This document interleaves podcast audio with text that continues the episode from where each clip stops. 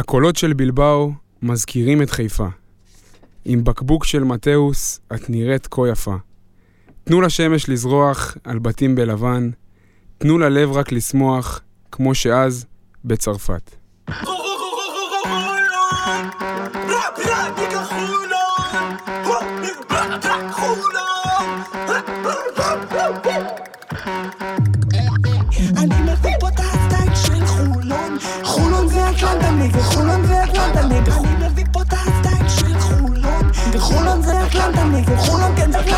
אני מביא פה את הסטייל של חולון חולון זה אטלנטה נגד חולון זה אטלנטה נגד אני מביא פה את הסטייל של חולון חולון זה אטלנטה נגד חולון כן אטלנטה נגד יום חמישי, 21 באפריל 22, פרק 39 של פודקאסט הכל סגול, חג הפסח בעיצומו, ולפני שיושבים לנתח את עשר המכות שהנחיתו עלינו הוארטס ושרמדיני, אנחנו עושים היום עצירה מתודית קלה, מארחים אורח חשוב, ומדברים על דברים שהם גם כדורסל וגם קצת מעל הכדורסל, וליד הכדורסל, וביחד עם הכדורסל, ומחוץ לכדורסל, והכל ביחד.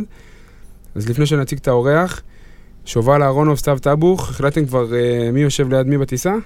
אני זה לא משנה, אני כמו גופה בטיסות. אתה אין לי מי מהנרדמים? לדבר. נרדם, חמש דקות נרדם. יש לך להביא אני עוד מתלבט. יש לך להביא לי את הדבר הזה של הצוואר, שישנים בו בטיסות? אני אדאג לך, אל תדאג. כן? כן. אני סומך עליך. טוב, uh, תכף, uh, אולי לפני זה, לפני זה, נעשה לנו התקלה. פינת שאלות קהל מוקדמת. יש לנו מאזינה מיוחדת בשם עדי, ששאלה שאלת קהל חשובה, האם המיטות בדירות בבלבאו הן מופרדות או שזו מיטה זוגית? אנחנו? לא- לא חושפים הכל. אני זה- לא... זה- אני זה- שומר על זה בשקט זה כרגע. ממודר ומסווג. בסוד. ואם... אז אין לנו תשובה למאזינה ששאלה. לא, היא אז- תצטרך לשאול אותי אחר כך עוד פעם. טוב, אה, אז מה היה לנו השבוע? שבוע שעבר כבר, זה מרגיש כמו נצח, אבל זה היה ממש לא מזמן. באמת, ההעפלה ההיסטורית לפיינל פור ליגת האלופות. אה, ותכלס, ממש לא צריך מעבר לזה כדי למלא פרק שלם. אה, ובדיוק בשביל זה, וממש כמו שהתרגשנו להכריז בסושיאל שלנו, אנחנו מארחים הערב אדם, שבשלב הזה יש לי להגיד עליו שני דברים. אחד, שיש לו הרבה קרדיט במ- במקום שהמועדון נמצא בו היום. ושתיים, הוא מתנגד נחרצות לשתיית אלכוהול בשעות הבוקר. מנהל הקבוצה, ניר אורון, מה שלומך? ברוך הבא. אהלן חברים, שמח מאוד להיות פה, תודה על ההזמנה. אה, כיף, מתרגש, כיף. איך המרגש ב- בימים אלה? חג, אולי קצת חופש, קצת אוויר לנשום, או שאתה אומר אה, עסקים כרגיל? אצלנו זה די, די עסקים כרגיל, חלק מהביזנס הזה שקצת פחות מרגישים את החגים וכאלה. אה, לשמחתי, בגלל שנחסך מאיתנו משחק שלוש, אז טיפה היה לנו יותר... אה, פריבילגיה, אתה אומר. פריבילגיה, פריבילגיה לנשום איזה לא, יום באמת- וחצי יומיים. באמת אבל איך המרגש אחרי כמעט שבוע בלי משחקים? לא רגילים לזה. אה, האמת זה פתאום נראה כמו נצח. לקחתם טיפים מהפועל ירושלים? קצת אוויר, אתה יודע, מחליפים, אה, יש יש זמן לישון, יש זמן לעבוד, אז תופסים אותך בשבוע של קצת רגיעה, באמת לדבר על כמה דברים חשובים, לשמוע ממך, ולפני שנצלול לתוך הדברים רגע, בואו טיפה אקטואליה, ישר, כאילו בלבאו. אז כמו שכבר שמעתם וגם הודענו ב social עם הגרפיקה הבאמת מוצלחת של טאבוך, אה, כל חברי ה pod ימצאו את עצמם בחמישה במאי בבלבאו, בספרד, ובבלבאו יום, יום למחרת. Euro אז- trip. נעשה Euro trip רציני, טאבוך אמר לנו, יאללה, אם מתקלבים אז עד הסוף שבע קונקשנים, עשר, אה, עשרה, עשרה נסיעות אה, הכל כדי לעמוד בתקציב שלו. הכל זה- כדי שיש אה, תקציב. אז תקציב אתה סטודנט. מתוך המערכת, יש כרגע הערכה ראשונית, צפי לכמויות אוהדים, דברים כאלה, איפה אנחנו עומדים, רק שנדע. כן, קודם כל אני יכול להגיד שכרגע אנחנו הרבה מעל הצפי. אה, וואלה. אה, נכון לאתמול אה, מטוס שני כבר התמלא, מטוס אה, פרטי ש... שיוצא רק עם האוהדים שלנו. אני מעריך ככה בהערכה מאוד מאוד גסה, כי קצת קשה לאמוד כמה אנשים קנו כרטיסים לבד ובנפרד וטיסות עם קונקשנים וכו'. אני חושב שאנחנו נראה שם באזור האלף צופים שלנו. וואו. שזה מדהים, באמת, כל הכבוד, שאפו גדול לכולם. זה מרשים כי זה לא גם לא פשוט, זה לא נסיעה יעד. יקרה מאוד, זה יעד, זה לא יעד הכי מאוד. אטרקטיבי ולא יעד הכי פשוט להגיע אליו. אה, לגמרי, לגמרי, כרטיסי טיסה אמר יקרים ש- וכל הכבוד. טאבוך אמר שאם הפיינל פור היה ב- איסטנבול. באיסטנבול, רומניה. יוון, משהו כזה, היינו מדברים על כמויות כמעט כפולות, כאילו, זה הגיוני. אין לי ספק, איסטנבול יעד שיש אליו, לא יודע, 7-8 טיסות ישירות ביום, כרטיסים זולים, יעד אטרקטיבי, מלונות זולים, אני בטוח שהיינו רואים שם... אנשים טסים דרך לונדון, 2,500 טסים. דרך איטליה, טסים... דרך כאילו, פולין. דרך- אנחנו דרך פולין? אנחנו דרך פולין, אתה לא מבין איזה- טיול יש. אה, מעבר לרמת הקהל רגע, ניר, אה, טיפה קצת מערכת בקטע הזה של, של final 4. איזה הכנות מיוחדות, אם בכלל, יש מבחינת מערכת של הפועל חולון לכזה event? כאילו, זה event רציני, זה משהו שהמועדון לא היה בו. או שאתה אומר לי, תשמע, היה שנה שעברה final 8, זה בגדול אותו דבר. אה, זה קצת דומה ל final 8, אה, שחווינו שנה שעברה. אה, זאת אומרת, בכל מה שקשור להכנות הלוגיסטיות המוקדמות, אנחנו עובדים מראש מול פיבה. אני אפילו יכול להגיד שבאופן יחסי, האירועים האלה טיפה יותר קלים לתכנון מהנסיעות הרגילות שלנו. כי יש כי כזה יש בוס אבא שמנהל... ואמא לאירוע הזה, בדיוק. אה, פיבה למעשה אחראים על הכל, הם אחראים על האירוח במלון, זאת אומרת, באותו מלון מתארחות כל הקבוצות. הם אחראים על הלו"ז, אה, יש שם אה, סשנים של צילומים. מדיה דיי. ומדיה דיי, ורעיונות, והם קובעים לך מתי יש שעות אימון ו- וכן הלאה. אז זה ממש ברמה של להגיש את הבקשות, להעביר את המידע לפיבה, ומשם הם די דואגים ל- להכל. אה, אז, אז זה מורכב ויש ניירת ו- וכן הלאה, אבל באופן יחסי, ה-BCL, חייב להגיד, זה ארגון מדהים, והם סופר סופר מסודרים, סופר מקצוענים ויודעים להרים אירועים ברמה הזו, וזה מקל מאוד על הקבוצות. יש לך מושג למה, למה אני אמור לצפות כאוהד שמגיע לשם? זה הפקה גדולה? זה... מה, יש לך מושג למה אני, מה אמור להיות שם? כן, אה, בלי לא... ספוילרים, כן? אבל... לא, לא, בלי ספוילרים. אני בעצמי לא יודע מה הם מתכננים ברמת ההפקה אבל ברמת הניסיון. שלך, נגיד, משנה שעברה אה, בפיינל. זה צפוי להיות הרבה יותר מרשים משנה שעברה, אה, כי. שנה שעברה היינו במין אה, שנת קורונה כזו, היו משהו כמו 1,500 צופים בניז'ני, לא מעבר. אה, כל ההפנינג שהם תכננו אה, ו fan zone וכן הלאה בעיר לא היה קיים, אה, ולמעשה לא הגיעו אוהדים משום, משום מדינה, איתנו הגיעו משהו כמו עשרה, וזהו. אז אני יודע שגם לקהל הרחב מתכננים fan zone בעיר, ומתכננים איזשהו הפנינג, ובאמת הסופש הזה צפוי להיות מלא ועמוס לא רק בכדורסל, מתכננים שם איזשהו ערב של חלוקת פרסים. אה, בתקווה ש- למצטייני העונה, מצטייני העונה, בתקווה ויהיה מישהו מאצלנו. אה, אני חושב שצריכים להיות שניים. שניים בחמישייה? כן. לא יודע אם ייתנו שניים בחמישיית עונה... יש לזה. תקדימים ב-BCL? אני לא יודע. אני חושב שכן. לא, הם מאוד... אה, הם אוהבים גם לתת לאלה שלא לא העפילו ל final four. הם מאוד אוהבים את ההפתעות האלה, אתה מבין? לתת לסטיפנוביץ' סנטר, נגיד, מקלוז', זה כאילו, זה, תצפה לדברים כאלה, לה- להתחכמויות. וקייזר חמישייה שנייה, כאילו, זה כמו שנה שעברה. Uh, טוב, אז, יש איבנט ענק שמגיע, אנחנו נדבר בפרק הזה בעיקר גם על הדרך שלנו אליו, גם מקצועית, גם ארגונית, מהזווית שלך. לפני זה, אנחנו רוצים להכיר אותך uh, בתור בן אדם. אה, אתה באמת אחת הדמויות המרכזיות במערכת, ובו בזמן דמות שפחות נשמעת, פחות מוכרת בקרב האוהדים, וחשוב לנו דווקא כן להכיר. אז אני יודע שזאת שאלה קצת כללית, אבל ספר לנו קצת על עצמך באופן כללי, רקע, ומה הביא אותך להיכנס לתוך עולם הכדורסל מההתחלה בעצם. אה, אז טיפה ככה רקע כללי עליי, אני בן 37, אה, אני גר באזור, גדלתי באזור, למדתי בחולון. אה, אני נשוי לדורין, אבא לגפן, ילד קטן שדואג שאני אקום אה, בשעות שמשחקים NBA. זה טוב עכשיו בפלייאוף, אה, תדע זה. טוב, בפלייאוף זה טוב. למערב או למזרח? כרגע. באיזה שעות? אה, למזרח. למזרח? מזרח זה קשה, זה הורס לך את הלילה, אתה לא יכול להמשיך... אה, כן. אה, איך החיבור בעצם לעולם הכדורסל? החיבור לעולם הכדורסל, מאז ומתמיד אני, אני הייתי עכבר כדורסל. אה, תמיד זה היה הפשן שלי מגיל מאוד מאוד מאוד צעיר. אה, חייב להגיד שאף פעם לא באמת ידעתי איך אני עושה מזה משהו. אה, לא, לא גדלתי להיות שחקן כדורסל, בגיל מאוד צעיר גם הבנתי שזה לא הכיוון, אה, אבל כן איזשהו משהו ניכר לי בראש כזה ש... תשמע, זה האהבה שלך, זה, זה התשוקה שלך, תעשה עם זה משהו. אה, החיים גלגלו אותי למקומות אחרים בהתחלה. השתחררתי מהצבא בגיל יחסית מאוחר, לקראת גיל 24, כי עשיתי עתודה לפני כן. אה, אתה עתודאי? Welcome to the club. כן. ו... ובכלל עסקתי בשנים הראשונות שלי, בוא נאמר, בחיי האזרחים, ב... במקצועות שלא קשורים ל... לעולם הספורט. אה, אבל כל, כל הזמן אה, ניכר לי ככה בראש. בראש, ניכר לי מאחורה.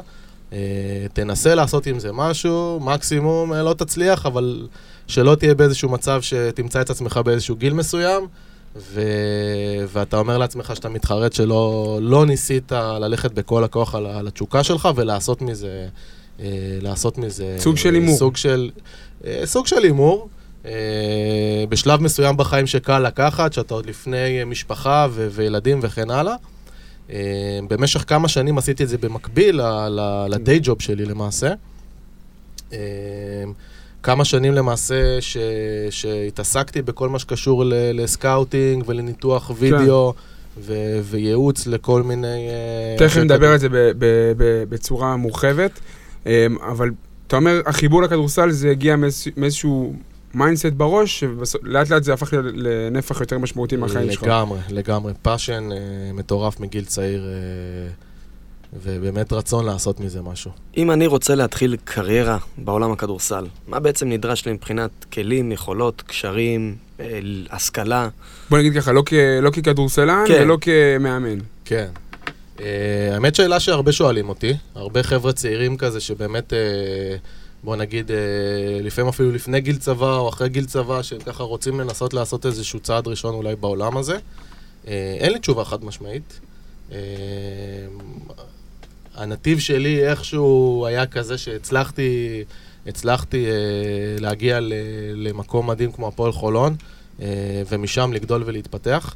אה, אין איזושהי תשובה חד משמעית, כמו שאני אומר, ברמת ההשכלה זה לא איזשהו מקצוע שאתה הולך, לומד אותו, אה, ואז אתה נכנס כ- כאיזשהו סוג של ג'וניור כזה ו- ומתקדם הלאה במערכת. אה, כן, טיפ שאני יכול לתת לחבר'ה צעירים, אה, במיוחד כאלה כמוני, שלא היו שחקנים או משהו כזה, ולא הייתה להם איזושהי רשת קשרים מאוד אה, ענפה בענף הזה. אה, כן לנסות אה, להגיע לאנשים, לייצר כמה שיותר נטוורקינג אה, ולחפש הזדמנויות, אה, לחפש את המישהו הזה ש, ש, שייתן להם את ההזדמנות הראשונית, אה, וברגע שאתה מקבל אותה, להסתכל על זה כאילו זו ההזדמנות האחרונה שקיבלת בחיים שלך. באטרף. ולהיות על זה באטרף. אה, לא לחשוב על דברים כמו פרנסה מזה וכן הלאה. אה, אם תהיה מספיק טוב, אז אני מאמין שזה יגיע, אה, כל דבר בזמנו, ופשוט לעוף על זה ברגע שאתה מקבל את ההזדמנות הראשונית. ככה אני התחלתי. התחלתי עם, עם נטוורקינג, להגיע לאנשים, להציע את, ה, את, ה, את מה שאני יכול להציע, ופשוט לרוץ משם ו, ולהתקדם, וזה הטיפ הכי טוב שיש לי, זה, זה פשוט להתחיל משם, לשים את הדלת בדלת, את הרגל בדלת, מה שנקרא, ולהיכנס. ולהיכנס בכל הכוח. אז באמת הזכרת ששימשת כסקאוט, ומתחקיר קטן שביצעתי, ראית ש... ראיתי שהיה לך תפקיד ב... בליגה הלאומית כ scout, וגם בהפועל חולון התחלת בשנת 2014 נכון. כ scout, ושימשת בזה כמשך... במשך כשנתיים. אז השאלה שלי בעצם, מה, מה זה אומר בעצם scout, ומה ההבדל בין זה לבין עוזר מאמן? אז קודם כל לגבי מה ההבדל, אה, זה תלוי איזה סוג של scout אתה. אה, ה scouting שאני עשיתי היה מאוד דומה לעבודה שעושה עוזר מאמן. אה, זאת אומרת, הייתי עושה את כל מה שקשור לניתוחי הוידאו, הייתי מנתח מהמם. את היריבות, אה, הייתי מכין אה, קליפים. אה, בראשית דרכי היה לי גם ידע ככה בעריכת וידאו, שלפני אה, עשר פלוס שנה זה... זה, זה היה בונוס. זה היה בונוס גדול, אה, כי זה היה קצת פחות נגיש ממה שזה היום, והרבה מאמני כדורסל כן חיפשו איזשהו מישהו עם ידע טכני אה, בלדעת לערוך וידאו.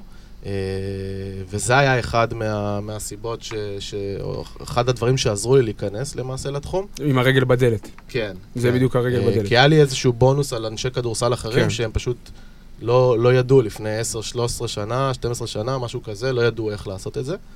אה, אז העבודה של scout, אה, מה שאנחנו מדברים על עבודת scout יומיומית, זה בעיקר זה, זה לנתח את היריבות, זה לנתח את השחקנים, זה להכין דוחות, אה, ללמוד מה החוזקות, מה החולשות, אה, ללמוד את כל הנושא הטקטי ש, ש, שהוא עצום. אה, זה המון עבודה מאחורי הקלעים. אה, זה המון- המון ידע ברמת אקסס ונוז, כאילו, כן, כן, ברמת. הכדורסל עצמו. לגמרי. אז היום בעצם אנליסט כאילו החליף את התפקיד של הסקאוט, אם יש היום אנליסטים בכדורסל, זה- וזה משהו שפחות מכדורגל. אני לא מכיר אנליסטים ב...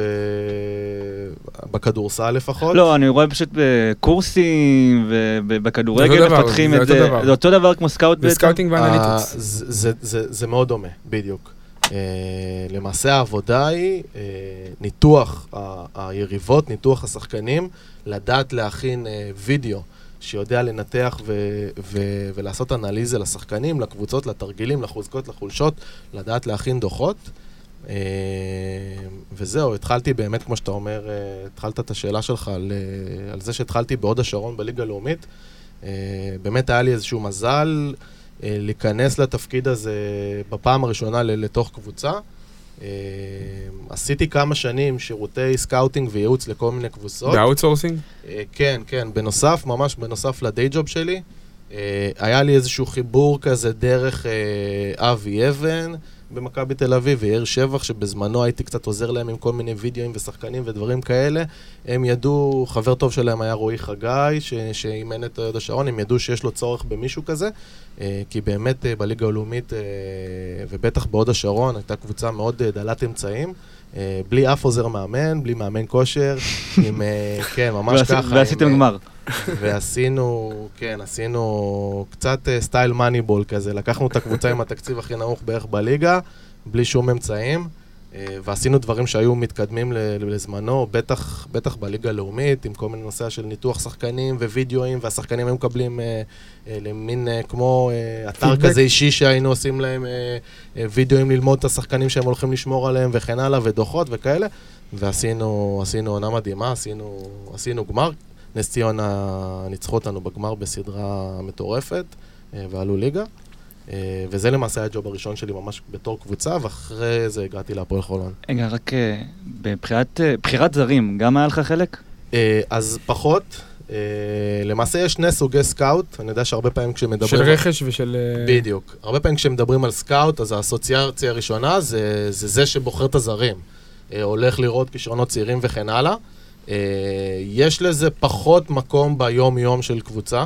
אה, בטח לא קבוצות עם המון המון משאבים שיכולות אה, להחזיק מישהו אה, בג'וב כזה לאורך כל העונה של רק לצפות בשחקנים ולראות פרוספקטים לקיץ, אז פרוספקטים שיכולים איכשהו לבוא ולהחליף שחקנים במהלך העונה. רוב העבודה זה באמת ה-day to day, לנתח את עצמך, ה- לנתח את היריבים, ובקיץ יושבים ביחד, ביחד עם צוות האימון, רואים שחקנים, מנתחים, נותנים פידבק, אבל אה, לחלוטין ההחלטות המקצועיות וההחתמות הן אה, של צוות האימון.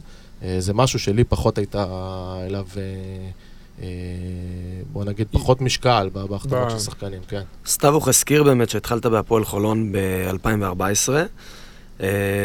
השאלה היא איך נוצר שם החיבור הראשוני, זאת אומרת, איך אתה מגיע מהוד השרון להפועל חולון, איך בדיוק זה, זה עובד. אה, אז זהו, באמת עשיתי את העונה בהוד השרון. והבנתי שזה מה שאני רוצה, אני רוצה לעבוד בתוך קבוצה. אה, זאת הייתה שנה באמת מטורפת, ש... שאמרתי לו, אוקיי, איך אני מתקדם מפה הלאה? אה, לא הייתה לי אפשרות להישאר שם באותה, באותה קבוצה, כי באמת החיבור שלי היה עם המאמן, שעזב. לנהריה והעלה אותם ליגה שנה לאחר מכן. ואני אמרתי לעצמי, אוקיי, משהו בי אמר, אתה צריך ללכת להפועל חולון. אה, כי אני פה מהאזור, כי גרתי בחולון. אה, משהו בי אמר לי, יש, יש לך אולי הזדמנות עכשיו לנסות להיכנס אה, אחרי שאתה יכול לבוא ולהגיד, עשיתי דבר או שניים, עבדתי בקבוצה, יש לי ניסיון. לא יודע אם להגיד זה, זה, זה, זה חוצפה או, או לא יודע מאיפה, אבל פשוט פניתי באופן ישיר לאלעד חסין. וואלה. שהיה המאמן אז, לא הייתה לי היכרות מוקדמת איתו. אה, כן הכרתי את יונתן אלון שהגיע באותו קיץ, אה, וכן, דרך כל מיני אנשים, ידעתי ש- שבהפועל חולון יכול להיות שמחפשים. אה, לא ידעתי אם זה בדיוק יהיה סקאוט, וידאו גיא כזה, ידעתי שהם מחפשים משהו. ואמרתי, אוקיי, ו- ואז פניתי פשוט ישירות לאלעד חסין. אה, ומשם איכשהו הכל התגלגל, לטובתי באמת, אה, למזלי, הייתה לנו פגישה מדהימה, ו, ומשם איכשהו התגלגלתי לתוך הפועל חולון, זאת אומרת, הוא היה באמת צריך אה, אה, video guy כזה ו scout, אה, ונכנסתי למערכת. אה, ושוב, נכנסתי במין title כזה שהוא לא היה לגמרי full, full time job כזה, וכמו שאמרתי לאט. בראשית דבריי, פשוט אמרתי, אוקיי, אני, אני פה, אני כאן ועכשיו, הזדמנות בליגת העל, אני לא יודע אם זה יחזור, אה, אתה עף על זה, והחלטתי שאני עוזב הכל. אה, לא עשיתי שום דבר חוץ מהפועל חולון בשנה הזו. אה, למרות שמבחינת פרנסה, או, שוב, זה לא היה פול טיים ג'וב והכל, אבל אמרתי, אני לא אתן להזדמנות הזאת לחמוק, ופשוט אה, שוב, למרות שהייתי כזה, אפילו בהתחלה הגדרת תפקיד שלי הייתה כזה, אל תגיע כל יום, אתה לא חייב, תגיע שלוש-ארבע פעמים בשבוע, משחקים, את רוב העבודה אתה יכול לעשות מהבית וכן הלאה, פשוט הייתי חלק מה, מהמערכת כמו עוזר מאמן שני לכל דבר ועניין. אה, והיה לי את המזל להגיע למקום מאוד מאוד טוב עם אנשים מאוד מאוד טובים, שיודעים לחבק אה, אנשים חדשים חרוצים במערכת אה, ו-. ולקדם אותם.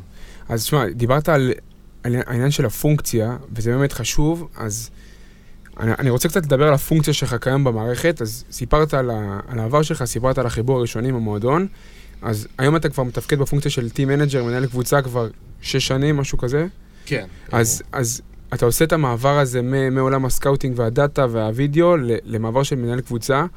א' כל, מאיפה זה בא, מה הוביל אותך למהלך הזה, מה השוני כאילו מהתפקידים, והמטרה של, של כל החלק הזה בפרק זה באמת להבין מה זה, מה זה team manager בכלל, כאילו זה, זאת, זאת השאלה הכללית, אבל מה, מה ספציפית אצלך עשה את המעבר ו, ומה הרגשת את ההבדל? כן. אה, אז באמת השנתיים הראשונות שלי עסקתי רק ב scouting, זאת השנה, זאת אומרת, אני אוטוטו מסיים את השנה השמינית שלי בהפועל חולון, אה, ואת השיפט הזה עשיתי כבר די מזמן, אה, שנתיים כסקאוט, וזו השנה השישית שלי כמנהל קבוצה.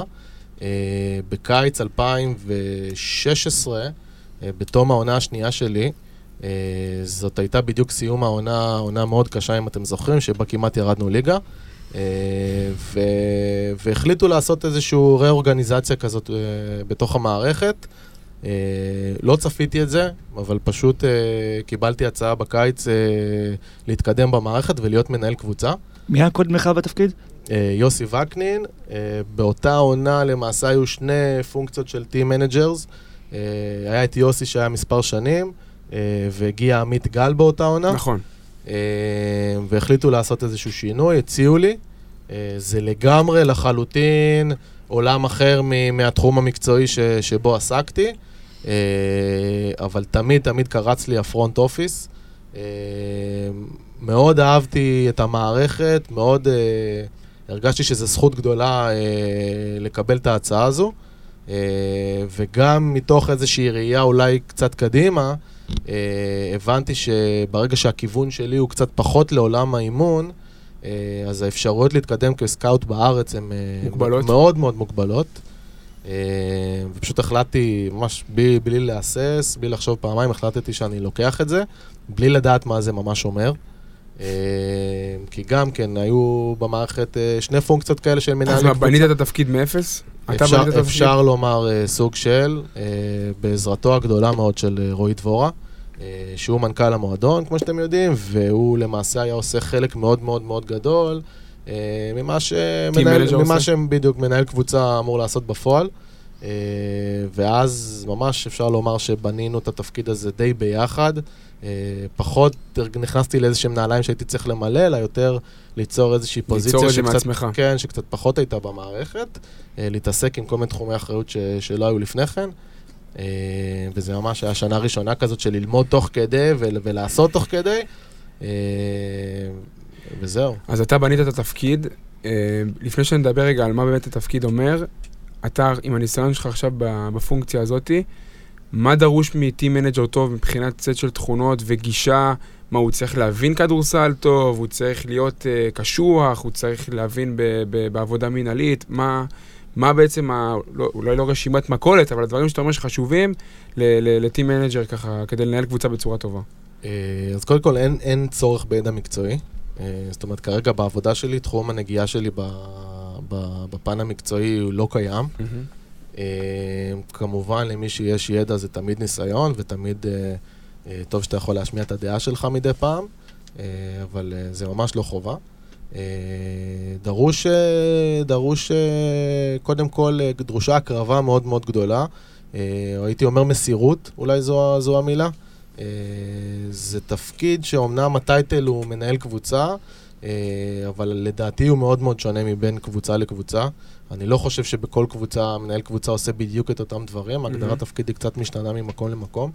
אה, אצלנו בהפועל חולון, אה, לשמחתי, אני זוכה אה, לעשות בדיוק את מה שאני אוהב, זאת אומרת, אה, קודם כל, אני יכול לחלק את התפקיד שלי ככה לשלוש פחות או יותר. אה, אה, אם זה המשרד, זאת אומרת, יש המון עבודה משרדית, אה, עבודת אדמיניסטרציה. אה, אנחנו עובדים מול המון גופים, אה, אם זה, אם זה המינהלת, ואם זה האיגוד, ואם זה פיבה, ואם זה מול ספקים שונים וכאלה ואחרים. זאת אומרת, בסוף קבוצת כדורסל רואים את החמש על חמש האלה על הפרקט, אבל זה ארגון שצריך אבל לתפקד. זה ארגון שלם שצריך לתפקד ואופרציה שלמה. אה, אז באמת יש את הצד האדמיניסטרטיבי, הצד של המשרד. אה, צריך לדעת לנהל אופרציה, לנהל אנשים. זה החלק החשוב, לא? יש שחקנים ויש צוות, פיגורות. וצריך, אה, ויש פיגורות, וצריך לדעת איך, אה, איך להתנהל ואיך לנהל את האנשים האלה, איך לנהל את היום-יום. אה, צריך להיות איש של אנשים, כי בסופו של דבר אנחנו, אנחנו קבוצה. וכמו שאנחנו מצפים מהשחקנים שהם יהיו good teammates, אז ככה אנחנו צריכים להיות בצוות, ככה אני מאמין. בטח בארגון ובצוות כמו בהפועל חולון, שאנחנו יחסית צוות מצומצם. Uh, אז צריך, ש... צריך להיות בן אדם של אנשים, צריך להיות מאוד מאוד חרוץ, uh, צריך יכולת ארגונית מאוד גבוהה, יכולת לתכנן דברים קדימה, uh, עם חריצות. Uh, ולהחזיק את המערכת על הכתף. זה סוג של... ולהחזיק את היום-יום הזה, להחזיק את התפעול, אה, ששוב, החלק, ה- בוא נגיד הראשון והשני, אם אני אומר החלק הראשון הוא אדמיניסטרטיבי והשני הוא תפעולי, כי בסוף צריך לנהל את היום-יום ואת האימונים ואת השגרה ואת המשחקים ואת הקבוצות שמגיעות ואת הטיסות וכן הלאה. שני הדברים האלה אני עושה במשותף עם, אה, עם דבורה. אה, ויש לי את הזכות ואת הכיף לעבוד איתו ביחד. אני חושב שאנחנו משלימים אחד את השני בצורה טובה מאוד. אה, והחלק השלישי, אה, של מנהל הקבוצה, אם אני ככה מנסה פחות או יותר אה, לחלק את זה. אה, לחלק את זה, אה, זה כל מה שקשור בטיפול אה, טיפול בשחקנים. אה, למעשה מנהל הקבוצה הוא, הוא הכתובת הראשונה לכל אה, בעיה שצצה בקבוצה. אה, וברוך השם לא חסר. וברוך השם לא חסר. אה, צריך יכולת של לדעת לנהל דברים תוך כדי לחץ, אה, לפתור בעיות תוך כדי לחץ, לכבות שריפות כשצריך, אה, ולהיות באמת אה, אה, גם מנהל, גם לפעמים אבא ואימא של השחקנים. אה, לפעמים זה מרגיש שיש לי 15 ילדים, אה, אבל אין מה לעשות. וכולם, וכולם מעירים אותך בשעות של משחקי NBA, לא רק הבן הפרטי שלך. אה, לפעמים, לפעמים, גם זה קורה. אה, כן, כן, למעשה אני הכתובת לכל דבר שהשחקנים צריכים. אה, בייחוד השחקנים הזרים, גם השחקנים הישראלים, מן הסתם יש המון צרכים שיש להם, ואנחנו משתדלים באמת לענות על כל צורך, כדי שהם יוכלו, יוכלו להיות כמה שיותר מרוכזים וכמה שיותר מפוקסים בכדורסל, לא להתעסק במסביב, אה, באמת שיהיו כמה שיותר אה, באמת minded רק למשחקים. ישב פה אביתר לנג ב- לפני, כמה זה היה? חודש ומשהו, ואמר ש, שזאת נקודה סופר קריטית. אי אפשר להפריד בין הכדורסל על הפרקט לבין כל מה שקורה בחוץ, ומערכת שבאמת מצליחה ל, לבודד את, הכ, את הכדורסל ולגרום לשחקנים שלה להרגיש נוח בכל הבחוץ, רואים את התוצאות על הפרקט. חד משמעית. אה, חד משמעית. אני חושב שבסופו של דבר השחקנים, הרבה פעמים יש איזושהי נטייה לחשוב שהם סוג של רובוטים, כלים במשחק. זאת אומרת, שחקן שעשה X ו-Y בקבוצה מסוימת, תבוא ותכניס אותו למערכת אחרת, והוא יעשה... בדיוק את אותו הדבר, והוא יתפקד אותו הדבר. בסופו של דבר זה אנשים. אה, ומדובר בבני אדם, ואנחנו עסק של בני אדם. אה, ו- וכמו כל בן אדם, שחקן שלא מרוצה, שחקן שלא מטפלים בבעיות שלו, שחקן שלא טוב לו במקום שהוא, שהוא מרגיש שלא קשובים אליו. רואים את זה על הפרקט. רואים את זה על הפרקט. אה, אתה לא יכול לזייף. אה, אני יכול לתת לא מעט דוגמאות, אה, ואני יכול להרשות לעצמי אולי להשתמש באיזושהי דוגמה של קבוצה שאנחנו יודעים שלא מעט שחקנים הגיעו ממנה השנה. אה, נראה לי אני- נראה לי אני מבין מה... למה מתכוון לא שחקן. ולא שניים, אה, שכמו שאנחנו יודעים, יש שם, די כאוס על המגרש, מה שקורה שם. הם, חווים עונה מאוד קטסטרופלית. אנחנו מדברים על בורגוס, נכון? כן. כן, כן, כן, אנחנו מדברים על בורגוס, אה, שמספר שחקנים הגיעו משם השנה, אה, וקצת יצא לי לשמוע איך הארגון שם עובד, ואיך הדברים מתנהלים, ואיך היה היחס לשחקנים. אה, ו- ו- וזה זה הולך ביחד, זאת אומרת, ברגע שהדברים לא עובדים טוב, ברגע שארגון הוא לא טוב, אה, זה ישליך על הפרקט, ברגע שיש כאוס בארגון והארגון לא מסודר, זה מתסכל את השחקנים, הם לא יכולים להיות מרוכזים במשחק, הם לא יכולים להצליח, אה, ובסופו של דבר אנחנו שמנו לעצמנו למטרה שכל שחקן שמגיע להפועל חולון, ירגיש שהוא הגיע למקום הכי טוב שיכול להיות. אתה יכול, סליחה שאני קוטע אותך, אתה יכול לתת דוגמה לפעולות שאתם עושים כדי כאילו, מה זה ברמת ה... אה, לדאוג לכל הדברים הקטנים, החל מרמת הנחיתה, ברמת של...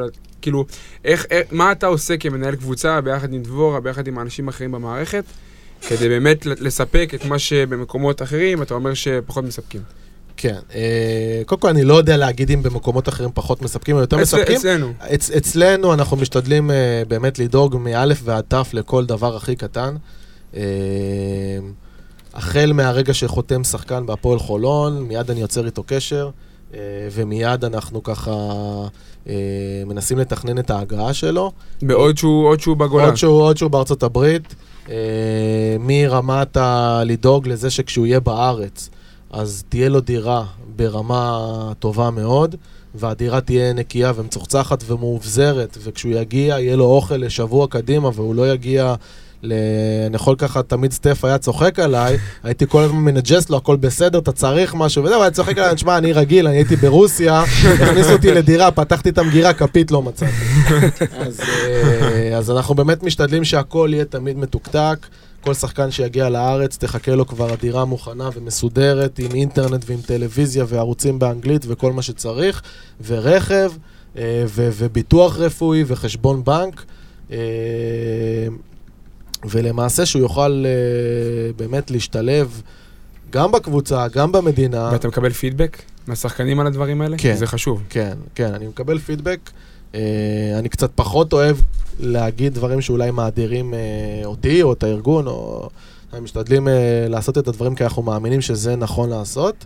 אנחנו אה, פשוט משפרים את האנגלית שלנו לקראת פרק עם שחקן, אז נתחיל ככה בעברית. אה, אבל כן, אני יכול להגיד שרוב השחקנים, אם, אם לא כולם, כל מי שמגיע להפועל חולון, אה, הוא שגריר מצוין להפועל חולון, לא רק אה, לקבוצה, אלא כלפי הארגון.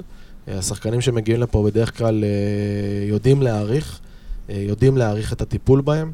אה, אני יכול סתם לתת דוגמה לשחקן כמו ג'ו רגלנד, שהיה במקומות והיה ביורוליג, והיה בקבוצה כמו ארמני מילאנו, וכשהוא הגיע לארץ, הוא פשוט בא, הוא בא אליי, הוא בא למאיר, אני זוכר שהיינו באיזושהי שיחה כזאת מעניין שלושתנו, והוא פשוט סיפר לי, שהוא אמר לי, תשמע, מעולם לא טיפלו בי כמו שאתם מטפלים בי פה, פה בה- בהפועל חולון. אה, בשום מקום שהייתי, לא ביורוליג, לא בארמני מילאנו, בשום מקום לא דואגים לשחקנים כמו שאתם דואגים, אה, ואני חושב שזה איזשהו ערך מוסף שאנחנו כמערכת אה, יודעים לתת לשחקנים שלנו. ואני חושב שמלבד העובדה ש, שלנו חשוב, שלשחקנים שלנו יהיה טוב, אני חושב שזה משהו שיוצר מחויבות אצל השחקנים שלנו. כי, כי כשאתה מרגיש שיש כתובת לכל דבר שאתה צריך ודואגים לך, ו, ו, ו, ועוד פעם, כשאני אומר על טיפול לשחקנים, זה, זה הכל, זה אפילו, זה כולל המשפחות שלהם. זה יכול להיות מהדבר הכי גדול בעולם, שכרגע יש להם איזושהי בעיה אישית ו- ואנחנו מנסים לפתור להם אותם, עד לרמת ה... לא עובד לי הווי-פיי בדירה והוא שחקן זר, הוא לא יודע מה זה הוט ולמי להתקשר וכן הלאה, צריך לטפל בזה. אה, או אתה מדבר על שעות אה, מוזרות כאלה ואחרות, זה יכול להיות יום שישי ב-11 בלילה, שאני עם המשפחה, והזמן האחרון, זה הדבר האחרון שאני חושב עליו כרגע זה העבודה, אבל יתקשר אליי שחקן ויגיד לי, תשמע, יצאתי עכשיו ממסעדה בתל אביב וגררו לי את הרכב, מה אני עושה? אני הכתובת. זה סיפור שקרה באמת? אה, כן, קרה השבוע. אפשר לנחש מזה? אתה אל תגיד כלום, רק תעשה לנו קרה- כזה. קרה השבוע. שבוע, אוקיי. אה, באמת, אני הכתובת לכל דבר שהשחקנים צריכים. אה, אנחנו היום, יש שמונה שחקנים זרים בהפועל חולון, אמנם שבעה זרים ופרדי. פרדי הוא זר לכל דבר ועניין, אז יש הרבה בעיות שצריך לפתור להם במהלך, במהלך השבוע, להם, למשפחות שלהם. אה, ואנחנו משתדלים באמת שהם ירגישו שהמועדון עושה הכל עבורם, אבל הכל. אה, ואני בטוח שכשהם מרגישים את זה, אז הם מחזירים את זה חזרה למועדון. כמו שאמרתי, זה משליך, אם אתה מרגיש שלא עושים בשבילך, לא דואגים לך, אז אתה, כן. קצת יהיה לך פחות אה, קל להביא את עצמך ב-200% לכל משחק. אז אתה מכניס אותנו ממש לתוך נבחי העבודה שלך, וזה, וזה באמת חשוב, גם ברמת המעטפת של השחקנים, גם ברמת ניהול הארגון בכלל. אנחנו קצת בפרק חגיגות אה, אירופה, אז אני רוצה רגע שתיקח אותנו לנקודה שהפועל חולון מתחילה להשתתף בליגת האלופות באופן קבוע, אה, עונת אה, אה, 17-18. הולכים על המהלך הזה, אז אנחנו נדבר כדורסל, נדבר שני מסגרות, נדבר להתחרות עם קבוצות יותר אה, חזקות, להשתפר כמערכת, כארגון, אבל אתה, כ- כמישהו שמנהל את הארגון הזה ברמת היום-יום, איזה שינויים ארגון צריך לעשות, וגם ברמת העבודה שלך, אה, איזה שינויים מערכת צריכה לעשות שהיא מסתגלת למעבר כזה להתחרות במפעל אירופי, לעומת שנים ארוכות שהיא לא עשתה את זה. מה זה דורש גם ספציפית ממך? קודם כל, אה, אני חושב שזה היה המהלך הכי, הכי נבון שעשינו, שעשו בהפועל חולון. אה, כמובן ההחלטה הגיעה מלמעלה, וצריך אה, לתת שאפו גדול לכל העוסקים בדבר, אם זה שלמה אייזיק ואיתן לנציאנו ומיקי אבירם ורועי דבורה. אה, זה לא החלטה של מה בכך ללכת לאירופה. אה, ול- ולהחליט שלא הולכים לשם לשם הסטוץ של עונה אחת ו- ולהגיד היינו כן. באירופה. היום ב- זה נראה מאוד טרנדי, כי כל הקבוצות חמות על זה, אבל אז כשלקחתם את ההחלטה זה היה... זה לא היה כזה טריוויאלי. אה, בטח מהמקום שבאנו ממנו, זאת אומרת, היינו, כמו שאמרתי, בעונת, אה, סיימנו את 2015-2016 בשנה שכמעט ירדנו ליגה. שנה לאחר מכן, שזו הייתה השנה הראשונה שלי כמנהל קבוצה, אה, 16-17, סיימנו במקום הראשון. מכבי חיפה. בדיוק, מכבי חיפה, תודה שהזכרת. אה, ופתאום צצה הזדמנות אה, להשתתף באירופה. אה, ואז הייתה התלבטות מאוד מאוד מאוד גדולה, כן עושים את זה, לא עושים את זה, מה זה ידרוש מהמערכת. אה, והתקבלה החלטה ש, שעושים את זה, אבל עושים את זה רק אם הולכים באמת ל, לאירופה לטווח ארוך, לא בשביל להגיד היינו באירופה ו- וזהו, וחווינו וטעמנו וסטו. כמובן שצריך להיות מגובה בהצלחות בליגה המקומית, כי, אה, כי אחרת לא תוכל להמשיך להשתתף. אה, ואני חושב שזו הייתה ההחלטה הכי נכונה, כי אני חושב שזה הביא את המועדון הזה 15 צעדים קדימה. זה דורש מהארגון להיות במקום אחר לגמרי. אה, זה דורש מכולם להיות 100% כל הזמן, אלרט כל הזמן לכל דבר קטן. אה, כל אחד בתחום שלו צריך להיות פיקס, זה, זה עולם אחר מבין לשחק פעם בשבוע, שיש לך שבוע שלם להתכונן למשחק, אה, ושיש לך אולי סגל עם פחות זרים, כי הסגל צריך להיות פחות עמוק וכן הלאה. אה, לשחק בשני מסגרות, להתמודד פעמיים בשבוע, לשחק ב-level אחר, שהוא קצת שונה והרבה פעמים הרבה יותר גבוה ממה שאנחנו רגילים ברוב משחקי הליגה, אה, אז זה דורש התאמות מקצועיות. אה, לוגיסטיקה בטח מלא. ולוגיסטיקה, וזה דורש לעשות uh, החלטות ארגוניות, uh, לשנות דברים בארגון. Uh, בשנה הראשונה באמת החלטנו שאנחנו uh, מנסים ללמוד מהטובים ביותר. Uh, ולא התביישנו, רועי ואני פנינו למספר אנשים שיש להם ניסיון. Uh, אני יכול להגיד שבין היתר uh, עמי ביטון, המנהל של מכבי תל אביב, שהוא, שהוא חבר טוב, uh, התייעצנו איתו לא פעם לדעת איך, איך עובד הארגון הזה, איך עובדת האופרציה הזו שאנחנו לא הכרנו, של לשחק באירופה, ואיך מתנהלים בנסיעות ובטיסות, ואיך דואגים שהשחקנים יקבלו את כל מה שהם צריכים לקבל, ולהגיע הכי מוכנים, ו- ויש איזושהי תורה מאחורי הדבר הזה, uh, של לדעת איך להגיע מוכנים, ו- ולדעת מתי לטוס, כדי שמבחינה פיזיולוגית השחקנים יהיו מוכנים, ושבמלון הכל יהיה מתוקתק, ושהשחקנים יאכלו את האוכל שלנו, ולא סתם אוכל שאנחנו לא רוצים שהם יאכלו, וכן הלאה וכן הלאה. וזה דברים שהשתפרו מעונה לעונה. וזה דברים ש, שאין ספק, גם אנחנו רכשנו ניסיון, אה, וברמה המקצועית זה דרש, אה, זה דרש אה, כמובן שינויים, הסגל שלנו פתאום נהיה יותר, אה, יותר עמוק. אם בשנה שלפני אירופה היינו ארבעה זרים ו, אה, ומתאזרח, אז פתאום אנחנו הבנו שאנחנו צריכים סגל עמוק יותר, עם ישראלים יותר בכירים.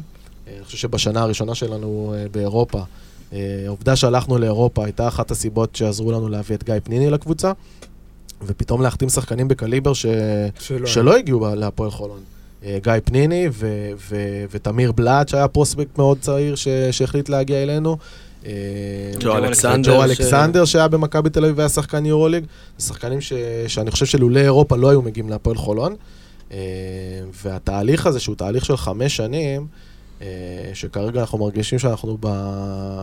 באמת ב... ב... בפסגה של, של המסע הזה, זה תהליך שלקח את המועדון קדימה מבחינה מקצועית, מבחינה תדמיתית, מבחינה ארגונית, מבחינה תקשורתית. אז תכף אני רוצה, שתת... תכף אני רוצה שתתייחס גם, אה, אנחנו נעשה סגמנט שלם על העונה הזאתי, ובאמת מעניין אותי לדעת על הנקודה שאנחנו נמצאים בה עכשיו לעומת 2017, אבל אצלנו לא מקדימים את ה lineup, זה, זה הכלל הכי חשוב. אבל אתה אומר, עוד פעם, זה שדרוג של המערכת, הולכים צעד קדימה, וזה גם דרש מכם הרבה יותר בקטע הזה של אירופה. אה, אז תכף נדבר על העונה הזאת, כי זה באמת עונה שאנחנו קוצרים את הפירות אולי, אה, של כל, מה, של כל העבודה הקשה. שלכם.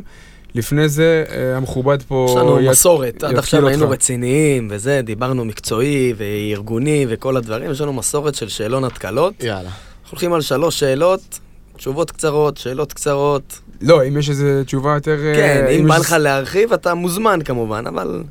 סגור. אה, טוב, שחקן שהיה הכי קשה לתחזוק במרכאות, חוץ מגלן אוקיי, רייס, כי זו אוקיי. תשובה אם ברורה. בא לך לדבר גם על גלן, אתה מוזמן. אם אתם רוצים לדבר, על- לדבר על גלן, אז אה, נצטרך לעשות פרק בנפרד. ורצוי שהוא כן, רועי רוצה ספיישלים בקיץ. עלילות אולי לאחד- גלן ב- רצוי שהוא יהיה בעוד אה, שלוש שנים בערך, שיהיה חוק התיישנות על חלק מהדברים שנוכל לספר. תגיד, אתה חשבת אולי לעשות פרק שלם על גלן רייס? אתה רוצה? תזכרו זה מעניין. אותך? פרק שלם? כן, לא- לא הבאת תשובה, חוץ מגלן. אה, את האמת, אין לי איזשהו שחקן שאני יכול להגיד שהוא היה סופר סופר קשה לתחזוק. אה, באמת, לרוב, אה, רוב השחקנים שמגיעים להפועל חולון, גם המאמנים, עושים איזושהי עבודת תחקיר על הרקע שלהם, על האישיות שלהם, על האופי. אה, הסיפור עם גלן הוא סיפור מאוד מאוד יוצא דופן, של שחקן שהגיע לקבוצה שהרגישה תקועה והרגשנו שצריך לעשות איזשהו משהו שיהפוך את העונה הזו. אה, לרוב, ההחלטות אה, היותר מושכלות שאנחנו מביאים שחקנים, זה באמת אחרי, אחרי תחקיר ועבודה, ולהבין מי הם ומה הם, וכמה הם רציניים וכמה הם מקצוענים. אה, זה לא אומר ש, שכולם קלים, היו שחקנים לא, לא, לא תמיד הכי קלים, אני פחות רוצה להיכנס לשמות, אה, אבל לא, לא משהו שדומה לגלן.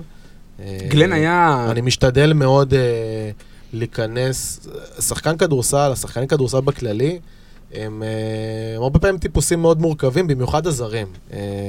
וכמו שאמרתי, הטיפול שלי הוא, הוא חלק גדול מהעבודה, זה טיפול בשחקנים, חלק גדול זה, זה מהזרים, כי בסופו של דבר הם פה לבד.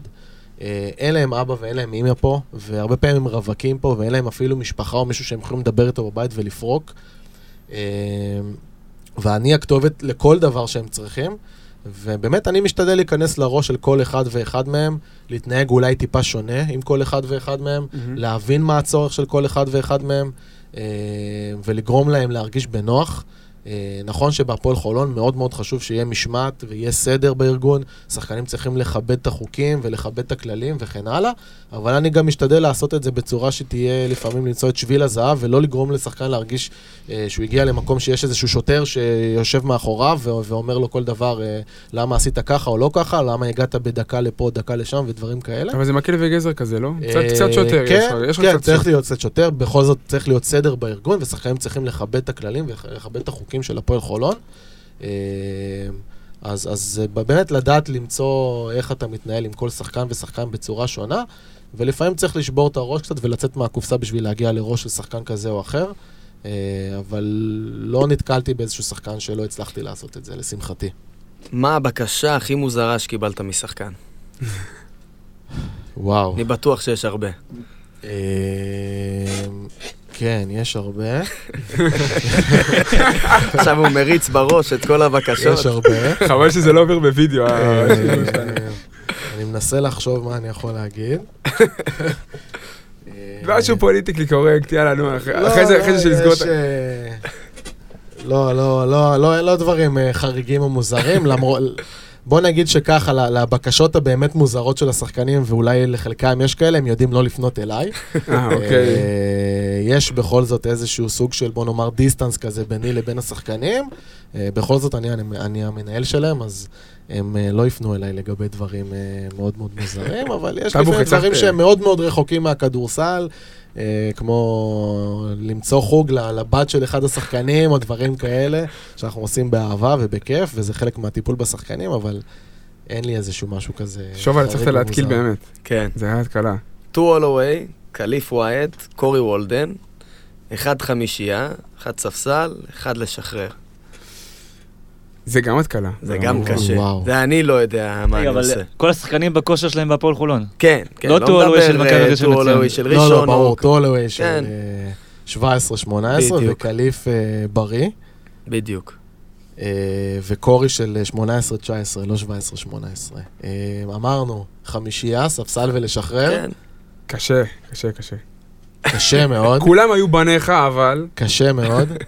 אה, הייתי הולך על אה, טו חמישייה, אוקיי, אוקיי? אוקיי. לא קורי? לא. אני גם אגיד למה. קודם כל, אני מאוד מאוד אוהב את טו ברמה האישית. זה עוד איזשהו אגוז כזה קשה לפיצוח, שהגיע להפועל חולון, והיה... לקח טיפה זמן להבין מי הוא ומה הוא. אה, ומבחוץ הוא נראה כזה... טאף גיא. טאף גיא כזה, לא מדבר יותר מדי, קשה קצת להגיע אליו. חבר טוב של גלן, זה אומר אה, הרבה על. מי לא, הוא לא כזה היה חבר טוב שלו, אני אה. יכול להגיד, פחות. נטפל אליו. הרבה, כן, הרבה שחקנים באותה עונה לקחו על עצמם את הטייטל הזה של להיות החבר שלו בשביל איכשהו להגן עליו ולשמור עליו וכן הלאה.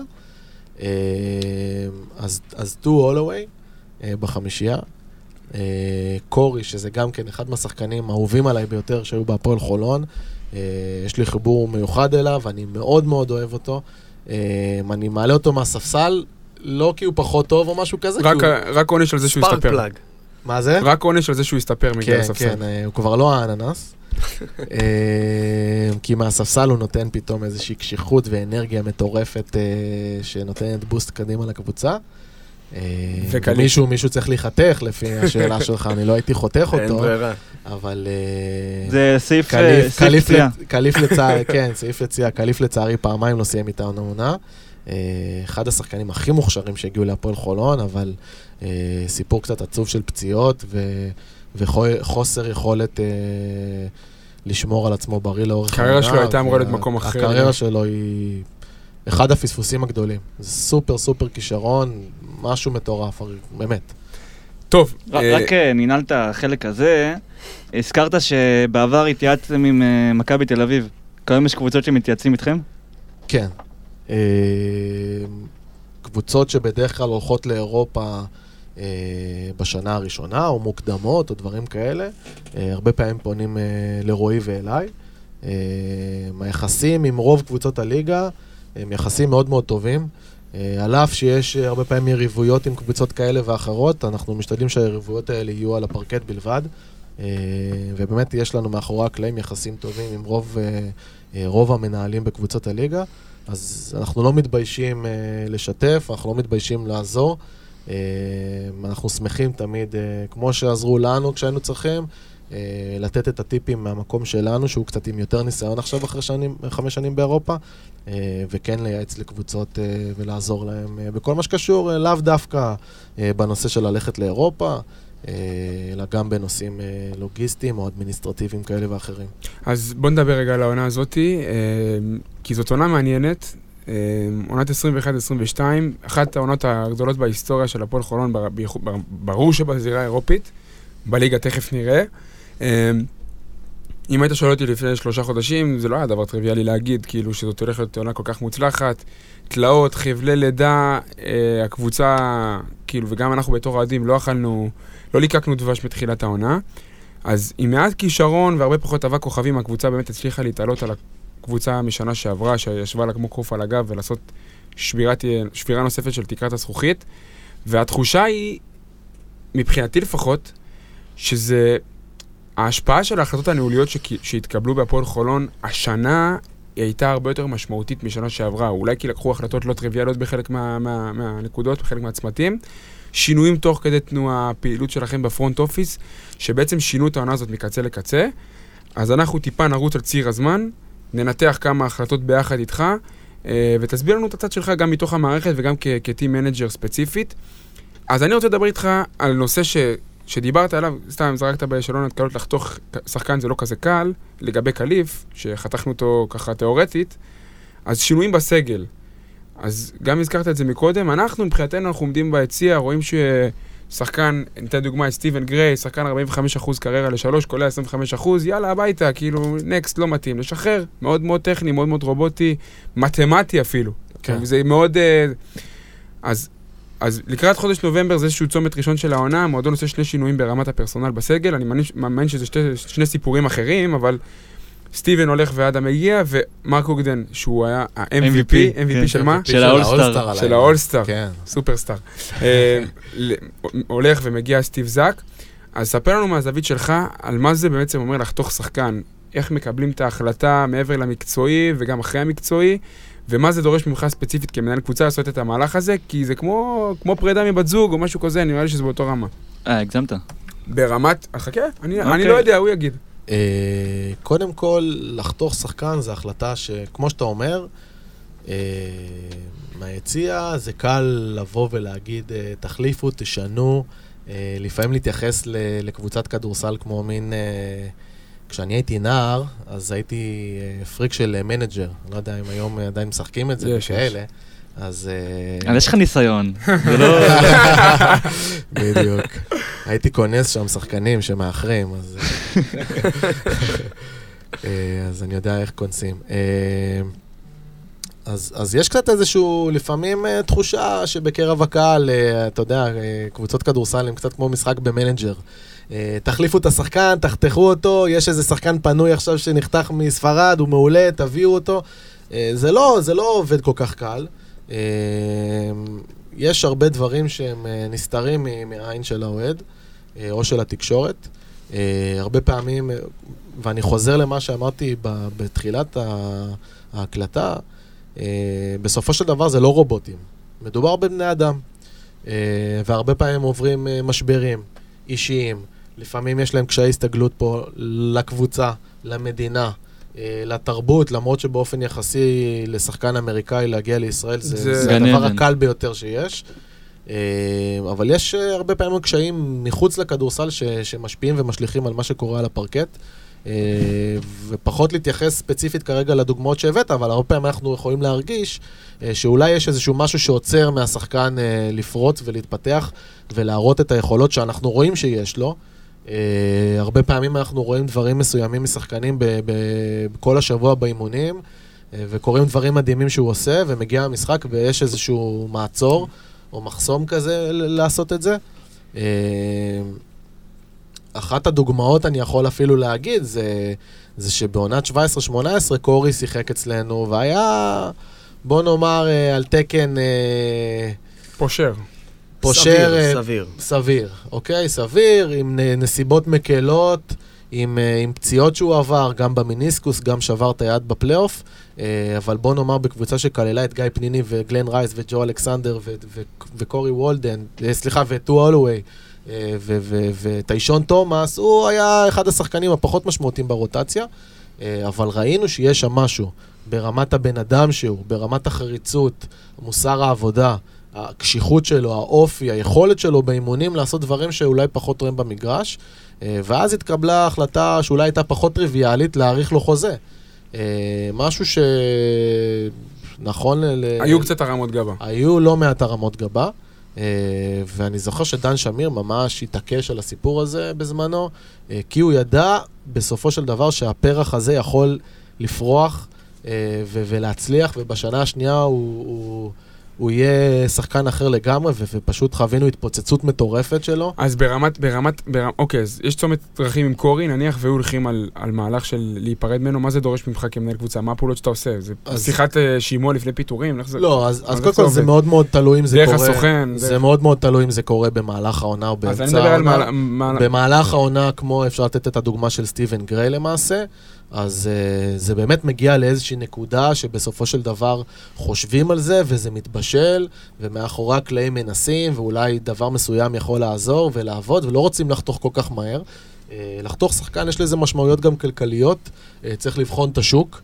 לראות למעשה מה האלטרנטיבה, כי לכל דבר אתה צריך למצוא אלטרנטיבה. נכון. יכול להיות שאתה עכשיו חושב שהשחקן הזה לא מספיק טוב, אבל אתה מחכה שתהיה אלטרנטיבה טובה, אתה לא רוצה להביא שחקן בינוני או פושר כמוהו. אה, ובסופו של דבר, כשזה מגיע למצב ש... שמתגבשת ההחלטה שעושים את הצעד, אה, אז מי שמטפל בנושא זה, זה רועי, המנכ"ל, אה, רועי דבורה, שלמעשה הוא צריך להיכנס לצד היותר עסקי, בוא נאמר, של, ה... של הסיפור הזה, שזה עבודה מול הסוכן, להבין איך אפשר להתיר את החוזה. להבין איך אפשר להיפרד בצורה שתהיה, בוא נגיד, מקובלת על שני הצדדים. אה, יש משמעות... בהסכמה ויש- הדדית הסכימו הצדדים על סיום דרכו של ב- במועדון. כן. אבל מי בוחן את השוק? הצוות המקצועי, אה, שזה המאמן ו... והעוזר. וזה גם מה שהיה עם אדם סמית? עם אדם סמית, אה, בגלל שמאוריציו כבר לא פה, אז אני אולי טיפה יכול לשתף יותר. אה, זאת החתמה שהיא קצת שונה מ- מ- מכל החתמה אחרת אולי שעשינו Mhm. בהפועל חולון. אה, התחושה הייתה אה, שצריך לעשות איזשהו שינוי. אה, גם ברמה של של טיפה לזעזע אולי את המערכת, כי החלטנו ש, שהדינמיקה של הקבוצה הזו הולכת למקום שהעונה הזאת יכולה לאבד לנו. אה, וגם היה איזשהו צורך ש... הייתה בעיה מבנית, לא היה מספיק מובילי כדור. בדיוק. בסופו של דבר, ההנהלה ראתה שיש איזשהו צורך מקצועי מאוד מאוד גדול להביא עוד אה, מוביל כדור, להביא עוד יוצר למשחק. אה, משהו שאני חושב שהיה מאוד מאוד קל לזהות. אה, ומאוריציו, אה, אפשר לומר את זה לזכותו, אה, הוא לא אחד שממהר לחתוך שחקנים. אה, כי הוא באמת מאמין שבסופו של דבר הוא אומר, אני כמאמן צריך לעשות עבודה יותר טובה להוציא ממנו יותר. מהמם. אם אני החלטתי שאני מביא אותו בקיץ, זה עליי. אני צריך לעשות יותר, אני צריך להוציא ממנו יותר, אה, אבל הגענו באמת לאיזושהי נקודה שכבר לא הייתה ברירה. אה, ההחלטה של ההנהלה הייתה שצריך לשחרר את אה, סטיבן גריי ולהביא שחקן אחר, ולא הסכמה של מאוריציו? עם ההסכמה שלו. אני יכול גם להגיד שההנהלה בהפועל חולון לא תעשה אף פעם משהו בניגוד לדעתו של המאמן. אבל זאת כן החתמה שונה משאר ההחתמות, כי זו ממש הייתה, זה היה איזשהו שינוי שה, שההנהלה יזמה, אה, ניתן לומר. אה, עם ההסכמה של מאוריציו, עם ההבנה שכן צריך לעשות איזשהו שינוי, אה, ולאחר בחינה של השוק, אה, הוחלט ש, שהוא הקנדידט הטוב ביותר, אה, והחלטנו להחתים אותו. אה, אבל מי- מי בחן במצב הזה? זה ביחד עם מאוריציו ושרפי, או שזה... ביחד, כן. מאוריציו ושרפי, יש סוכנים שברגע שהם יודעים שיש איזשהו צורך, אז אז הם, אה, מופיע- אז מופיע. הם אה, צצים ומופיעים ומציעים שמות וכן הלאה. אה, ולאחר בחינה של כל השמות הרלוונטיים, אה, עם פילטור מן הסתם של מי כן מתאים לקבוצה ברמת השכר, ברמת הפרסונה וכן הלאה, אה, הוחלט שהוא המועמד הטוב ביותר, ו- וההחלטה הייתה אה, להחתים אותו. הזכרנו באמת את מאוריציו, ובאמת מעניין אותי לדעת מה לא עבד איתו, כי זה היה נראה כבר מההתחלה שהוא לא מתאים ל- לארגון. בשונה מדדס, שהיה ממש חלק מ- מההנהלה, והיה נראה חיבור מיוחד, עם מאוריציו זה היה נראה קצת יחס קר יותר. אישית, כאילו, מרמת האישיות של מאוריציו. זה היה... כאילו, איך אני אסביר לך? זה היה נראה כאילו הוא לא, הוא לא חלק מה, מה-DNA, אתה מבין? גם כדורסל ווייז, וגם אישיות, או שתגיד לי, תשמע, אתה טועה, אתה לא מכיר אותו. אני מבין את מה אתה אומר. אה, אין ספק שכשאתה נכנס אה, לתפקיד אחרי דדס... אה, מאוד קשה. לא רק שזה מאוד קשה, כמעט קשה להיות כמוהו באישיות, יש לו אישיות קיצונית, לחיוב אני אומר את זה, כי אני מאוד מאוד אוהב אותו. ומאוריציו הוא באמת, זה שני כתבים שונים מאוד, הוא, הוא בן אדם שונה מאוד מסטף. אה, כן, אני חושב שבסופו של דבר, אה, אני לא יודע אם זה בדיוק להגיד שהחיבור שלו למועדון, או החיבור, ה-DNA שלו כבן אדם וכמאמן, לא התאים למועדון, אה, כמו שאני חושב שהיו לו קשיי הסתגלות בעצמו כמאמן, כמאמן שאף פעם לא יצא מאיטליה. איטליה. ושבעצמו היה צריך להכיר מה זה הליגה הישראלית ומה זה הפועל חולון, ולהבין שהפועל חולון זה לא עוד מועדון, אה, זה מועדון גדול מאוד, עם המון לחצים, אה, עם לחצים מצד התקשורת ומצד הקהל ומצד ההנהלה ומצד המערכת מבפנים להצליח כל הזמן, אה, ואני חושב ש... הוא לא ש- עשה את ההתאמה הזאתי? אה, אני חושב שפחות. אני חושב שפחות. אני, אני גם לא חושב, זאת אומרת, אני לא אומר את זה לרעתו, אני חושב שהוא בסופו של דבר, הוא הביא... זה את- המוצר, זה זה הוא. המוצר, זה בדיוק, הוא. זה הוא. הוא הביא את מי שהוא. אה, במקומות מסוימים זה עובד, וזה עבד לו נהדר, כי הוא עשה דברים נהדרים, נהדרים בקריירה. זה. לכן אני לא יכול לבוא ולהגיד שהוא לא מאמן מספיק טוב, זה, זה, זה, זה, זה ממש לא העניין. אה, להפועל חולון זה פחות התאים, אה, לרמת הסבלנות אולי שיש במועדון גדול כמו הפועל חולון זה פחות התאים. אה, יכול להיות שבמועדונים מסוימים באיטליה. אה, הרבה יותר קל לייצר תהליכים ארוכי טווח ו- ו- ויש פחות לחצים, אבל בהפועל חולון, שזה מועדון מאוד מאוד מאוד גדול, אה, יש המון המון לחצים להצליח, והכל צריך להיות כאן ועכשיו. ואם הקבוצה מקרטעת חודש, חודשיים, זה, זה כבר, זה מתחיל להיות too much. רמת הסבלנות של כולם יורדת ל- לאפס. אה, ואני חושב שברגע שהחיבור היה פחות קליק טבעי כזה, זה קרה. אז... אז, אז וזה הגיע עוד באמצע נמנע. סדרה. זה לא הגיע ב... כן, זה הגיע באמצע סדרה, אה, בסדרה עם בשקטש. כאילו לקחתם את כל הג'יטונים, את כל הג'יטונים, שמתם על מספר אחד ברולטה, שמתם על מספר, הכל, הכל, הכל, הכל, ותפס. באותה מידה גם זה לא יכול לתפוס, אבל לחתוך, לחתוך מאמן ב-1-0, בסדרה כזאת, זה היה מהלך שאתה יוצא שאמרתי, לטורקיה ואתה יודע, אם אתה מפסיד, אתה הולך יש את הביתה. המים המפורסם הזה, זה או הצלחה ענקית או התרסקות איומה, נכון? יש משהו כזה, זה הסיטואציה הקלאסית. אז גם מתוך הזווית שלך כבן אדם של המערכת, קח אותנו רגע ל... ל אז אה, הבנו שה-DNA פחות התאים ומאוריציו היה מי שהוא וזה אולי פחות התאים, הנקודה של הבחירה של המתי. וגם מי לוקח את ההחלטה הזאת?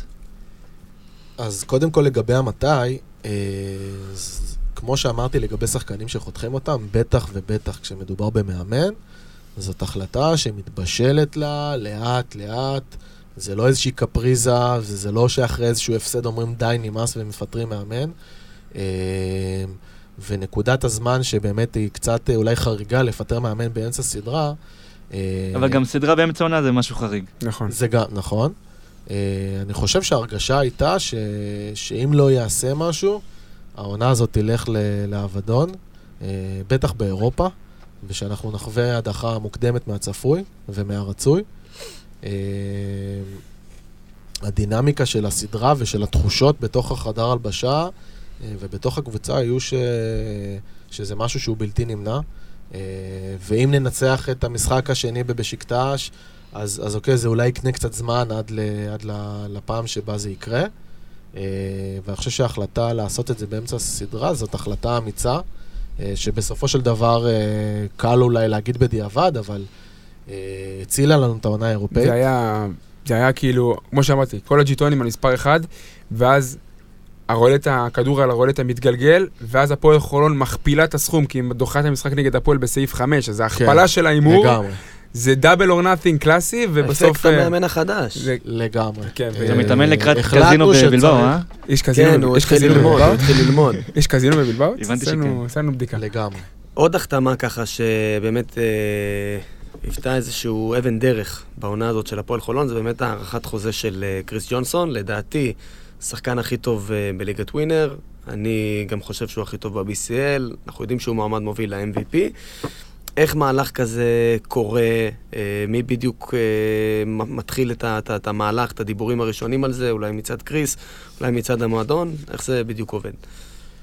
אה, כן, קודם כל זה באמת אה, החתמה גדולה שעשינו. אני חושב שזה חסר, אה, חסר תקדים, אה, בטח ברמות ה-level שכר של הפועל חולון, אה, להשאיר מישהו כמו קריס שנה שלישית ברציפות. אני לא זוכר מתי שחקן נשאר שלוש שנים בהפועל חולון, אה, בטח לא בתקופתי. אה, ולגבי קריס, אה, קודם כל החיבור שלנו עם קריס הוא חיבור אה, מאוד מאוד עמוק ומיוחד. אה, בגלל הבן אדם שהוא. אה, מדובר באמת בן אדם שהוא, אה, שהוא טוטאלי. ברגע שהוא מתחבר למערכת ומתחבר לאנשים, אה, והוא בן אדם שכשאתה תיתן לו הכל, הוא יחזיר לך כפול. הוא, אם הוא מרגיש שהמערכת מחבקת אותו ונותנת לו את מה שהוא צריך, בדיוק הדוגמה הקלאסית הזאת של, אמרת ששחקן שטוב לו בחוץ, זה משתקף על לגמרי, הפרקט. לגמרי. אה, זאת אומרת, מטפלים בו ומטפלים במשפחה שלו שנמצאת פה איתו, אה, ודואגים לו ברמה המקצועית ודואגים לו ברמה הבריאותית. יש לנו צוות רפואי מצוין שצריך אה, להזכיר, אה, של עמית גולדיאן מאמן הכושר, ומעיין אורינגר הפיזיו שלנו, ודוקטור משה דהן, שדואגים לשחקנים לתת להם מענה רפואי ומעטפת רפואית הכי טובה שאפשר, וברגע שהוא מקבל ומרגיש שהוא מקבל הכל, אז הוא יחזיר למועדון הכל. הוא, זה כאילו להתאבד על המגרש, זה, זה קריס. בדיוק. אה, אז, אז הוא אחד כזה שפחות יחפש לנדוד ברגע שהוא מרגיש שהוא הגיע לנחלה שלו, או למקום שבאמת טוב לו מהמם. בו, הוא פחות יחפש לנדוד, הוא פחות יחפש עכשיו לראות בכל קיץ אה, איזה חוזה קצת יותר גבוה הוא יכול להשיג. אה, הוא יותר מיושב בראש שלו, בטח בשלב הזה של הקריירה. אה, והוא פחות, אה, זאת אומרת, הוא, הוא אחד שעושה ויתורים כלכליים בשביל להישאר בפועל חולון, אפשר להגיד את זה, חד וחלק. זה שחקן שיכול להרוויח בקלות 30, 40 או אפילו 50 אלף דולר יותר במקום אחר, ואולי אפילו יותר, אפילו אני לא יותר, יודע. יותר, יותר. אה, אבל בוודאות יש לו הצעות אה, גבוהות יותר, והוא עדיין מעדיף להישאר במקום שטוב לו בו, מאשר ללכת למקום שבו הוא יעשה אולי קצת יותר כסף, אבל התחרט שהוא עשה את המהלך הזה. אז אתה אומר שהחיבור שלו למערכת זה אחד השיקולים המרכזיים שלו להישאר, ברמת כן, העבודה איתו. כן. אבל עדיין ו- הוא יכול לקבל הצעות, לא? יכול כמו שראינו עם C.J. יכול לקבל הצעות. אה, אתה יודע, השוק הוא כזה ש, שפונים לסוכנים כל הזמן. אה, הסיפור עם, עם C.J. היה סיפור קצת אחר, היה לו... אה, היה לו buyout בחוזה, שהוא ופה אין בעיות? אני פחות רוצה להיכנס. אתה יודע, לענייני החוזים של השחקנים, אה, אבל מדובר בסיפור קצת אחר. גם פרסונלית. גם, פרס, גם שהוא- פרסונלית, אה, ואני חושב ש, שקריס אה, זה דוגמה טובה למה שהפועל חולון הפכה כמערכת בשנים האחרונות. אה, הפכנו להיות מועדון שהוא, ממועדון שהוא, בוא נאמר, אה, תחנת מעבר של הרבה מאוד שחקנים שמסתכלים על הפועל חולון כשנה שאוקיי, אני אגיע לשם, אני אעשה עונה אישית טובה, אני אציג את המספרים שלי, ושנה אחרי זה אני אעשה את הקפיצה הבאה ל- להרוויח 200, 250, 300 אלף דולר, אני לא יודע כמה, אה, אני אלך ליורוליג וכן הלאה. אנשים מבינים שכשהם מגיעים להפועל חולון, אה, זה. מקום, זה מקום להישאר בו. אה, נכון שבסופו של דבר הכסף מדבר, שחקן שיקבל שנה הבאה 300 אלף דולר או 400 אלף דולר, הוא לא יכול להגיד לכסף הזה לא, אבל אם לא מדובר ב- ב- בהבדל מאוד מאוד גדול של כסף, אז אני חושב שהערך המוסף של הפועל חולון יכולה להציע לשחקנים, אה, הוא שווה להם את זה, אה, ולכן הם מחליטים להישאר.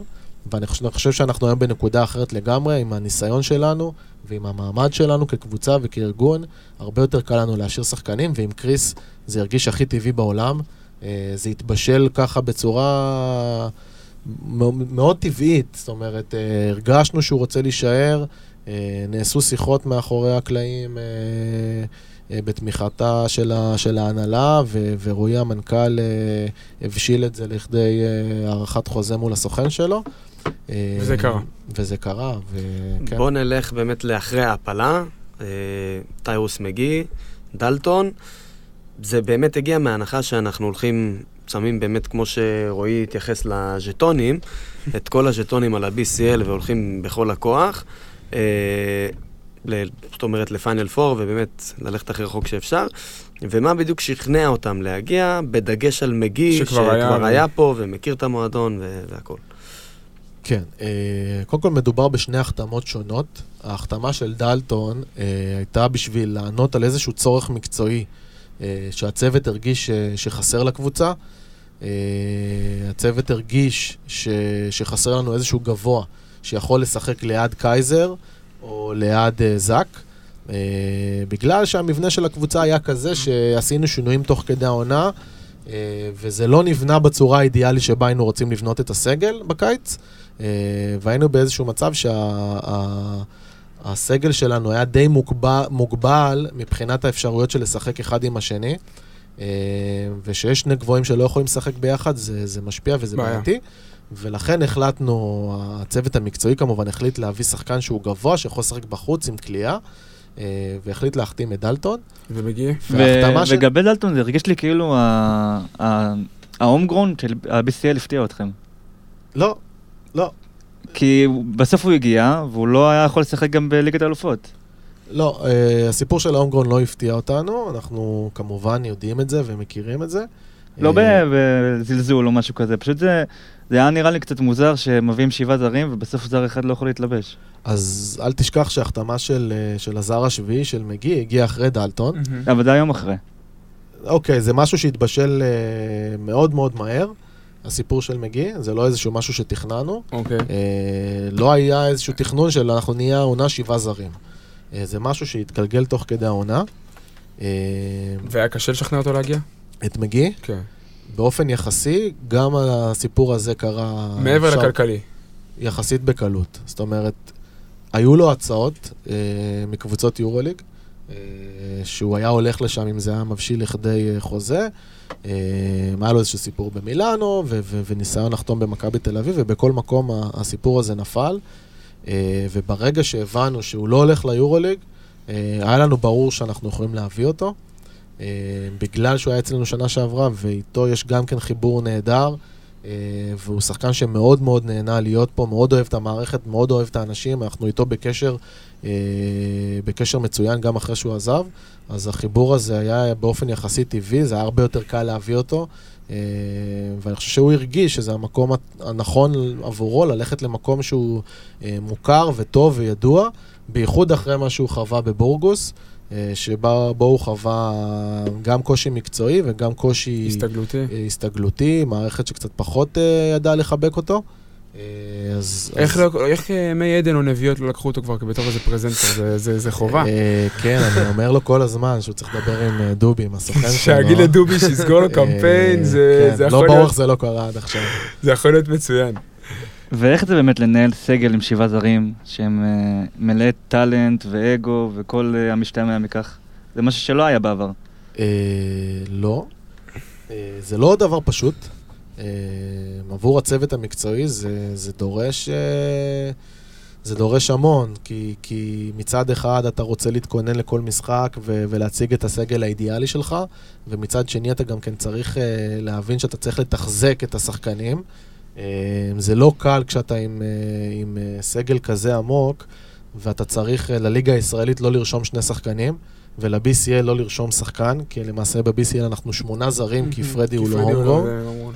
אה, אבל לשמחתי, הפרסונות בקבוצה הם אה, כאלה שהם לא מפוצצי אגו, אה, וביחד עם האופי הנוח של השחקנים וקצב המשחקים המטורף שלנו, אה, אז זה משהו שהרבה יותר קל לנהל. אה, דבר ראשון, כי, כי יש צורך באמת אה, אמיתי לחלק את הדקות משחק ולנהל איזושהי רוטציה אה, כדי לחלק את העומסים נכון.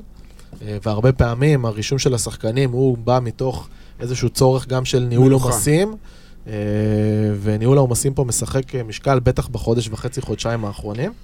אה, וגם כשאתה משחק כל יומיים וחצי, אז אה, כן, כשלא, כשלא. כשלא רושמים אותך, כל שחקן שלא נרשם הוא הכי מתוסכל שיש בעולם, והכי קשה לו עם זה. וכשיש משחק בעוד יומיים, אז גם אין לו זמן לחשוב על זה, כי, כי הקצב הוא כזה מהיר, אז, אז כולם בסוף אה, אה, מרגישים בסדר עם זה, אין איזשהו שחקן שהוא אה, נפגע בצורה אה, יוצאת דופן. ברמה שלך? זה הקשה עליך? לעבודה- על העבודה הספציפית לא. שלך? בניהול של לא, לא, הפרסונל? לא, לא. לפעמים אתה מרגיש את השחקנים, ולפעמים אתה מרגיש שהשפת גוף היא קצת שונה, או ששחקן משדר איזה משהו שונה, אז אתה צריך טיפה יותר להתקרב אליו. אה, לא רק אני עושה את זה, אני חושב שההון האנושי אה, בכל ארגון זה דבר שהוא סופר סופר חשוב, ולשמחתי יש לנו אנשים במערכת, אה, כמו שדיברתי על הצוות הרפואי, אה, אז גם יש לנו את מאיר שאתם מכירים, מוכר לנו אה, השם. מוכר לכם. אה, ויש לנו באמת אנשים טובים בתוך המערכת, בתוך הצוות ביום-יום, שיודעים לחוש את השחקנים, יודעים להגיע אליהם, יודעים לתת את הערך המוסף שלא רק לבוא ולעשות את העבודה שלך ואת התפקיד שלך וללכת, אלא לפעמים להיות החבר כשצריך להיות חבר, לפעמים להיות הפסיכולוג כשצריך להיות פסיכולוג, ולהרים את השחקנים. אה, ואנחנו משתדלים באמת לתחזק את השחקנים בצורה כזו, ש... שהם יהיו כמה שפחות מתוסכלים מהסיפור הזה. אה, ובאמת עם כל האתגרים האלה, האמנת שבשלב הזה של העונה עדיין כל שבעת הזרים יהיו פה? אם אני מח- מחזיר אותך אחורה לחודש פברואר? לא, בכנות, כי גם לא חשבתי שנהיה בפיינל 4. כן.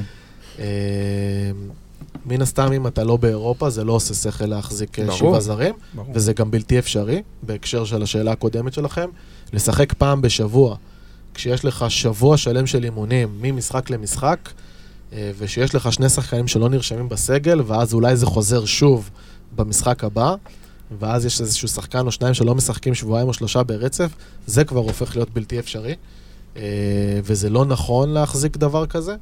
אה, אז כן, העונה היא התקדמה בצורה כזו שלשמחתנו אנחנו עדיין באירופה, אה, ולשמחתנו יש לנו סגל כזה עמוק, אה, כי אם לא היה לנו את הסגל הזה, אני לא חושב ברור. שהיינו יכולים לשרוד את ברור. החודשיים האחרונים מדנס, המטורפים. מרץ' מדנס בשיאו, כאילו זה היה... לגמרי.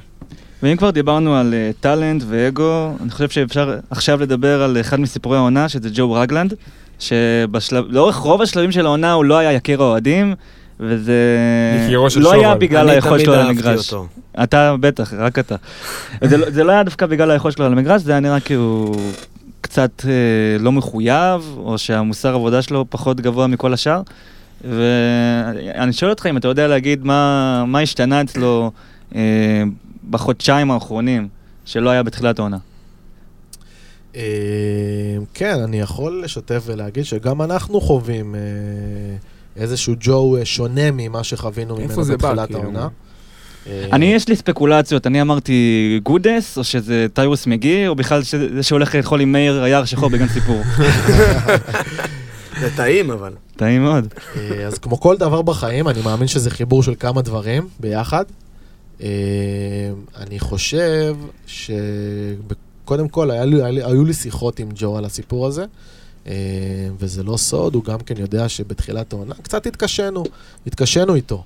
אה, על המגרש, מחוץ למגרש, לא כי הוא חלילה איזשהו טראבל מייקר, כי הוא לא, אבל כי הרגשנו שהוא יכול להביא דברים נוספים שהוא פחות מביא לנו, הוא התלמיד המצטיין הזה בכיתה שלא לומד למבחנים ומפריע בשיעורים. משהו כזה. זה ש- זה שיודע שהוא יוציא 100 בכל מבחן והוא שמח. כן, ושפת הגוף אולי לפעמים היא של מישהו שהוא לא לגמרי מרגיש לך אה, 100% בתוך העניין, וזה לא נסתר גם מהאוהדים. ואני חושב שעם ג'ו זה מורכב מכמה דברים, אני חושב שדבר ראשון, אה, היה לו תסכול מאוד מאוד גדול אה, בתחילת העונה, אה, כי הקבוצה התקשתה. אה, היה איזשהו חוסר תקשורת או חוסר הבנה בינו לבין מאוריציו. מהמם. אה, ועליו, והוא אמר את זה כל הזמן, עליו כפוינט גארד, כמי שאמור לנהל את הקבוצה על המגרש, זה מאוד מאוד השפיע. וכשהיה חוסר קומוניקציה בינו לבין המאמן ו- ו- ובין השחקנים לבין, ה- לבין עצמם, זה מאוד השפיע עליו, הוא הרגיש תסכול מאוד מאוד גדול והרגיש אה, שזה, שזה מכביד עליו. זאת אומרת, הוא היה מגיע אולי עם פחות חשק לאימונים ולמשחקים, ובסופו של דבר הוא בן אדם. אה, אני חושב שההגעה של גודס שינתה את זה, הוא, יש לו חיבור נהדר עם גיא. אה, אני חושב שגם החיבור לטיירוס אה, כמובן עושה את זה, אה, כי הם חברים מאוד מאוד טובים. אבל אני בעיקר חושב אה, שג'ו הוא אחד כזה שכשהעונה מתקדמת, אז הוא מרים את הקצב שלו. זה אה, קל. בעיקר מנטלית. אה, ג'ו הוא פרי כדורסל שאני נתקל, לא נתקלתי באחד כזה. אה, כל מה שהוא עושה כל היום זה לראות כדורסל. יש לו את הטאבלט שלו, יש לו סינרג'י, למי שמכיר. כן. לא שזה- זול. שזה, כן, לא זול.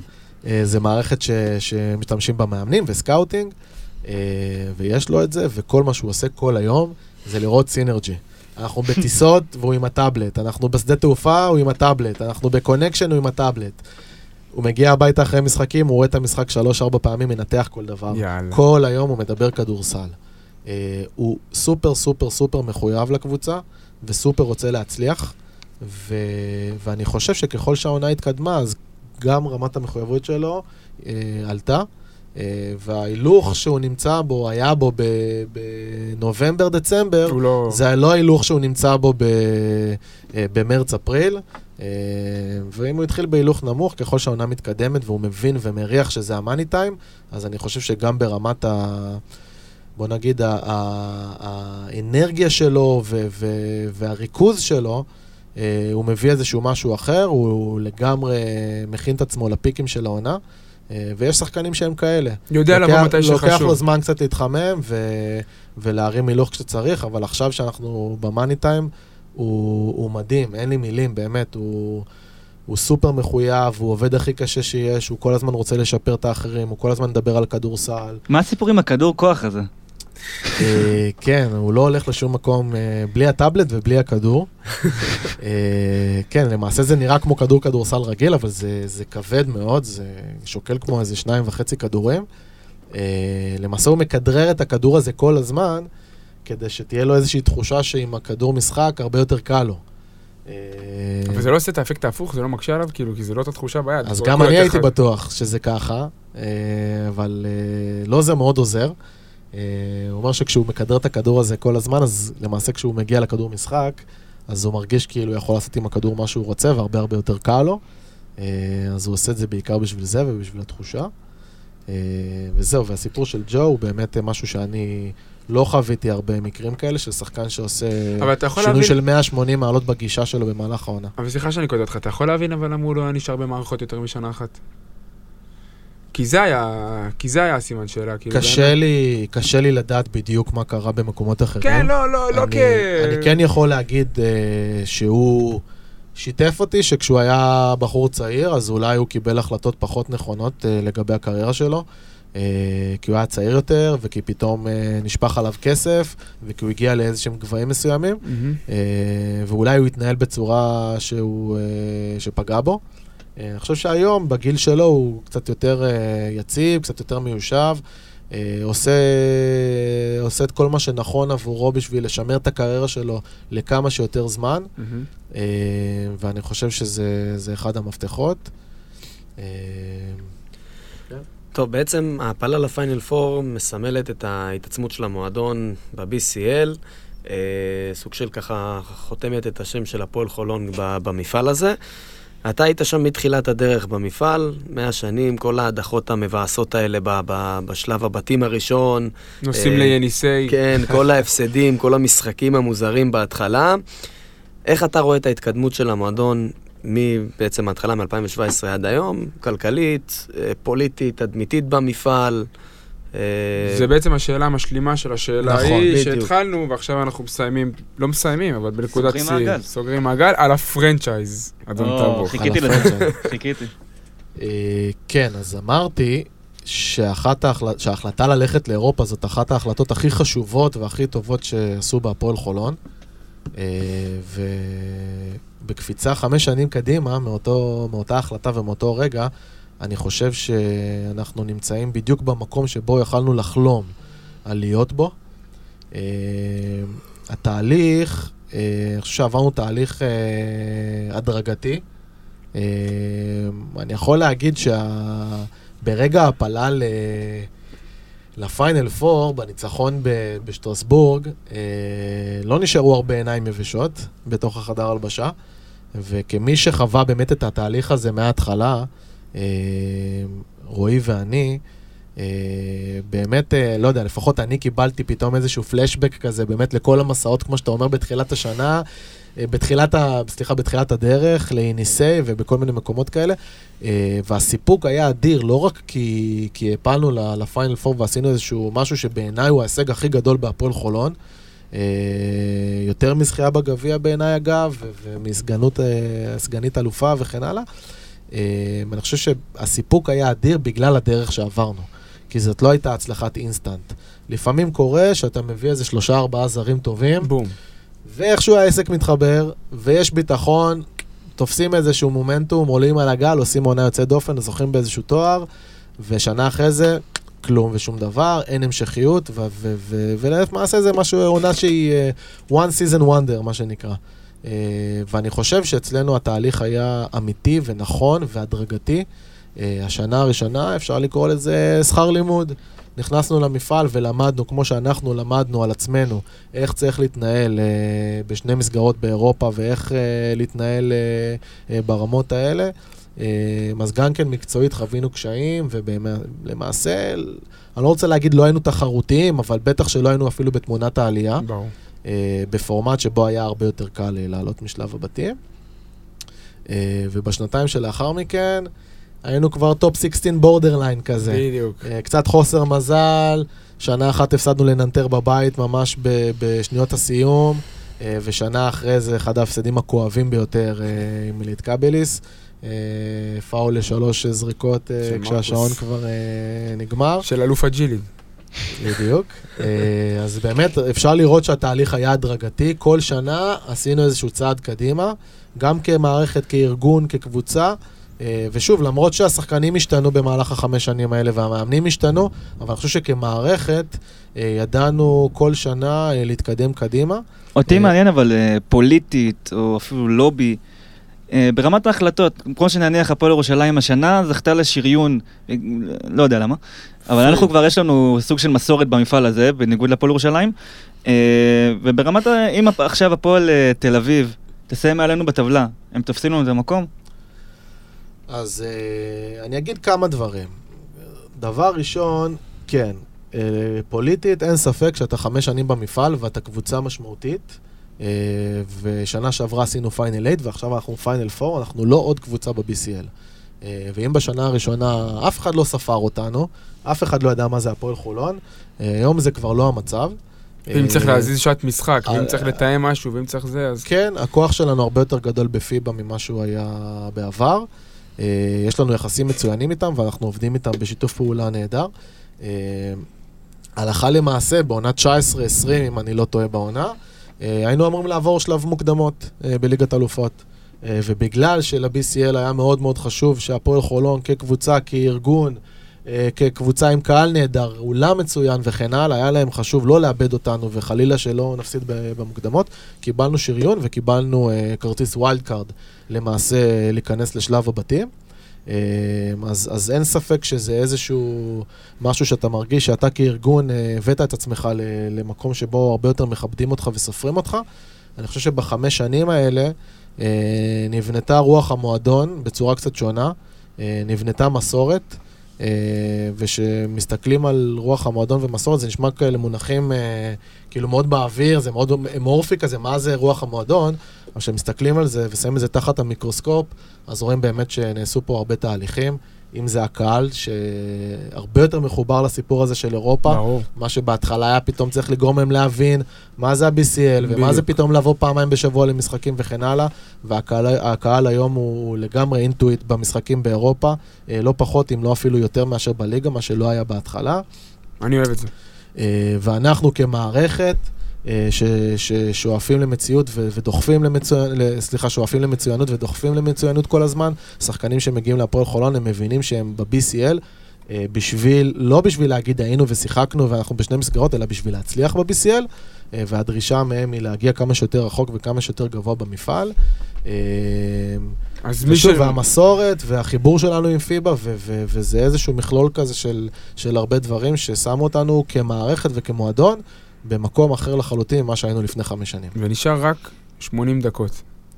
העונה, נשאר 80 דקות, זה מה שנשאר לשחק, וזה, וזה אני אשאיר ככה פתוח, אבל uh, תלוי כמה, תלוי כמה חזק שובל יצעק ביציע. Uh, אז אני יש- שבוע לא הולך לדבר לפני, אז הכל בוואטסאפ. לא, תכין לנו גוגל מוגל, אני אעשה את זה. אה, אז ניר, דיברנו טיפה על בילבאו, דיברנו עליך, קצת הכרנו אותך, על הדרך שלך בכדורסל, על החיבור שלך למועדון, מה זה בעצם team manager, על העבודה שלך באופן כללי.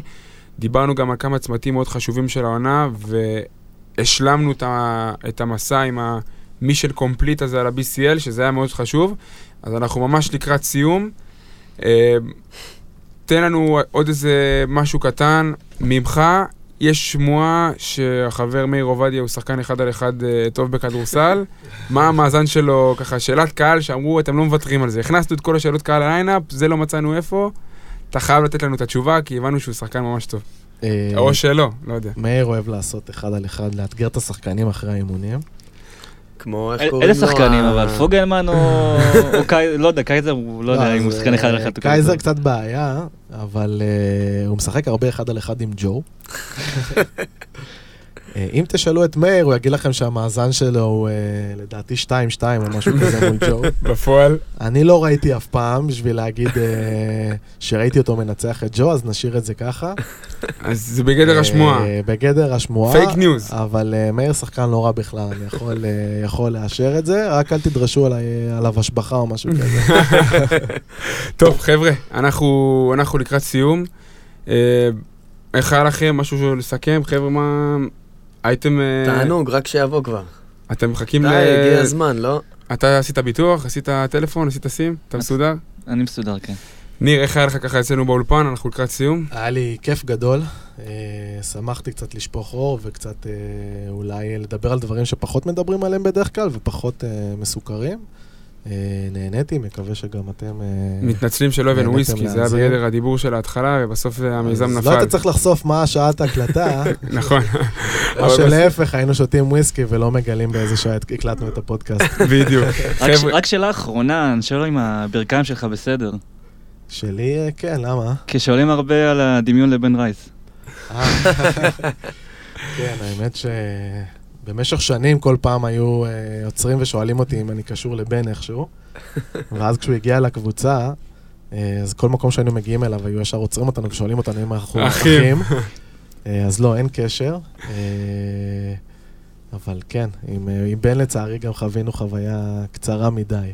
כן. טוב, אה, פרק פרק עמוס, עמוס בכל טוב, דברים מעניינים, ללמוד ככה על המערכת זה תמיד חשוב. ניר, שוב תודה רבה, נאחל לאוהדי הפועל חולון חג שמח, בהצלחה בארנה ביום ראשון, ויאללה חולוניה. חולון זה הסטייל, חולון זה דיבור, חולון זה חול שרמוטה וואלה אני מכור חולון זה הסטייל, חולון זה דיבור, חולון זה חול שרמוטה וואלה אני מכור חולון זה אטלנטה חולון זה אטלנטה נגד אני מביא פה את הסטייל של